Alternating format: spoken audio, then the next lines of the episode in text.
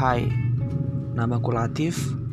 Di sini aku ingin mencoba menjadi seorang podcaster dan ya, aku masih sekolah, masih kuliah dan tahun ini tamat. Doain ya. Uh, banyak pengalaman hidup ya akan aku bagikan di podcast aku nanti.